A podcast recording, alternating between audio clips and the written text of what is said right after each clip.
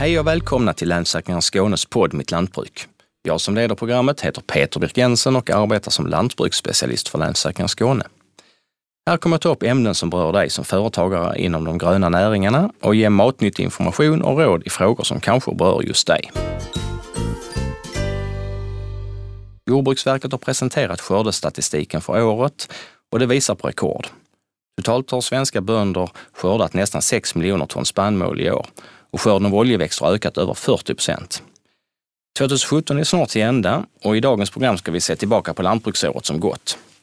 I Skåne hade vi en kall vår och ganska ruggig sommar, men trots det så blev det rekord även här. Tror jag i alla fall. Vi kommer också titta statistiken för vår egen verksamhet. Vad ser vi som har kontakt med våra lantbrukskunder? Vilka skador är vanligast? Och kan vi märka några nya trender i skadeanmälningarna? Med mig i studion har jag Johan Jonsson, försäljningschef på Lantbruk för Länsstyrelsen Skåne och på telefon har jag med mig Axel Lundberg, ekonomirådgivare på Hushållskapet HIR. Välkomna på er! Eh, Axel, hur blev årets skörd här i Skåne? Ja, du, man, ska, man hör vad folk säger när det gäller skördar och det är väl det vi har utgått från än så länge. Sen ska det ju räknas i efterhand om det blev det man verkligen trodde. Men folk har ju ganska fin utrustning på sina maskiner så de kan göra en ganska bra uppskattning rätt så tidigt. Och eh, vad det verkar i Skåne så har det blivit eh, bra skörd på spannmålen. Där är nog många som är nöjda. Och eh, när det gäller rapsen så finns det vissa som är nöjda och andra som är väldigt missnöjda. Det är fortfarande problem att få de här riktigt höga rapsskördarna som vi fick för några år sedan. Och just nu håller betorna på, eller det är ju i princip klart. Det finns några enstaka hektar kvar i marken. Men allting är inte levererat än och då vet man inte riktigt vad man har fått för skörd. Men det ser ut som på den statistiken som har kommit in när det gäller sockerbetorna så blir det, blir det nog en lägre sockerskörd per hektar än vad vi brukar ha. Så det är väl, det är väl den grödan som har nog gått, kommer nog gå sämst i år så att säga när det gäller eh, skörden. Vad är det som har påverkat resultatet mest egentligen?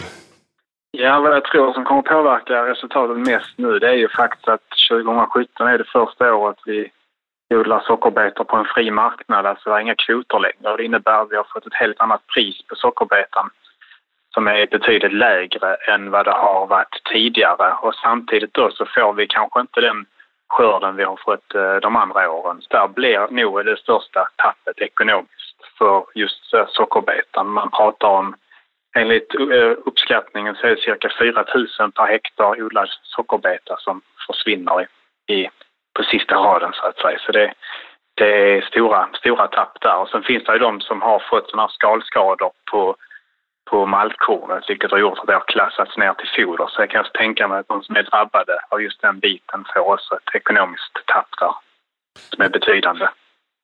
Det finns andra faktorer som påverkar ekonomin för våra lantbrukare. Arrendepriserna till exempel och EU-ersättningarna.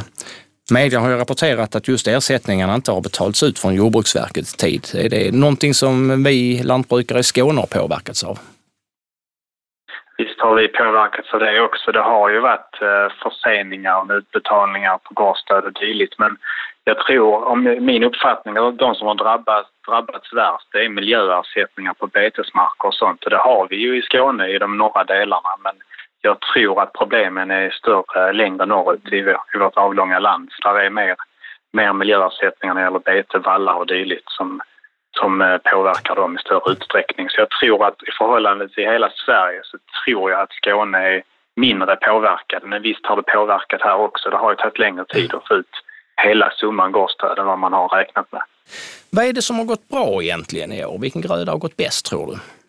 Jag tror att det är vad heter det, maltkornet. För de då som inte är drabbade av skalskador så är det vad heter maltkornet skördemässigt har blivit eh, bra här i Skåne och kvaliteten har ju blivit eh, bra också. Det var länge sedan vi hade, hade båda de bitarna på just maltkornet. Och priset på maltkorn har ju, det är inte jättehögt men det är, är på mer okej nivå jämfört med de andra spannmålsgrödorna. När du ser framåt, hur ser prisutvecklingen ut för lantbrukets produkter? Kan man, kan man spana in i framtiden tror du? Eh, man kan ju försöka i alla fall och eh, vi vet ju att Ryssland och heter det, Ryssland och Ukraina producerar betydligt högre veteskördar nu än vad de fick för, för några år sedan. Där, där ökar det kraftigt. Så att det hotet finns ju fortfarande kvar att det produceras väldigt mycket spannmål här i, här i världen. Och det påverkar oss eftersom det är på en världsmarknad.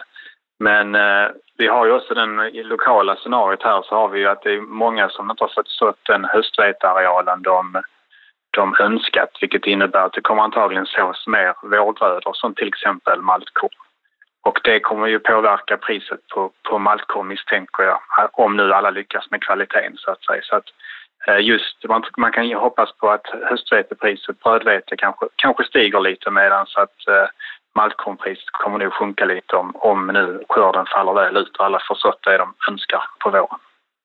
Lantbrukarens resultat styrs ju också av fler faktorer i vår omvärld, alltså världsmarknadspriserna som du sa och eh, annat. Nya lagar och förordningar, är det någonting nytt som kommer inför 2018 som kan påverka oss? Jag tänker ju främst på alltså våra EU-regler när det gäller EU-stöden och dylikt. Då tänker jag på förgröningsstödet. Och man ska aldrig säga att allting är klappat och klart än, men eh, det verkar som att eh, de här till exempel eh, fokusarealerna som vi använder, vissa odlar till exempel åkerbönor för att få klara det som vi kallar fokusarealer som utgör en stor del av stödet. Och det blir nya krav på de här fokusarealerna nu 2018. Det innebär till exempel att man får inte, man får inte spruta dem med, med bekämpningsmedel under en viss period vilket gör att till exempel odlingen av ärtor och åkerbönor blir, blir svårare och kommer kräva kanske mer radhackning och dylikt. Så jag tror att arealen av åkerböna kommer att minska kraftigt på grund av detta. Eh, under 2017 fick Länsläkaren Skåne in ungefär 2400 anmälningar om skador i lantbruket. Eh, Johan Jonsson, har det varit ett normalt skadeår i år egentligen? Ja, året är inte slut än, men eh, ser man då till och med november så har det varit väldigt bra skador för lantbruk. Och både färre skador än vad vi räknat med och färre än förra året. Så det ser positivt ut. Och eh, Tittar vi på typen av, av skador så inbrottsskadorna har minskat med cirka 5 miljoner jämfört med 2016. Och eh, det är också ett eh, gemensamt arbete med eh, försäkringstagare och skadeförebyggande åtgärder som har gjort att stölderna har minskat. Vilka trender ser vi i skadorna under året? Ja, vi har ju man säger en intensiv period eh, under april till eh, Eh, bränder är ju vanligast eh, i skördeperioden. Då. Eh, I år så kan vi konstatera att vi inte haft någon brand i eh, eh, vare sig man säger, tröska eller torkanläggningar i år. En balpress och det är ovanligt. Och det har varit en speciell skördesäsong i år som har varit utdragen och eh, väldigt blöt. Så, så du menar att eh, våra lantbrukare de har hunnit serva och eh, vila mellan varven som sådant och det har satt sig och så att skadorna har minskat kanske? Kan vara en faktor. Mm.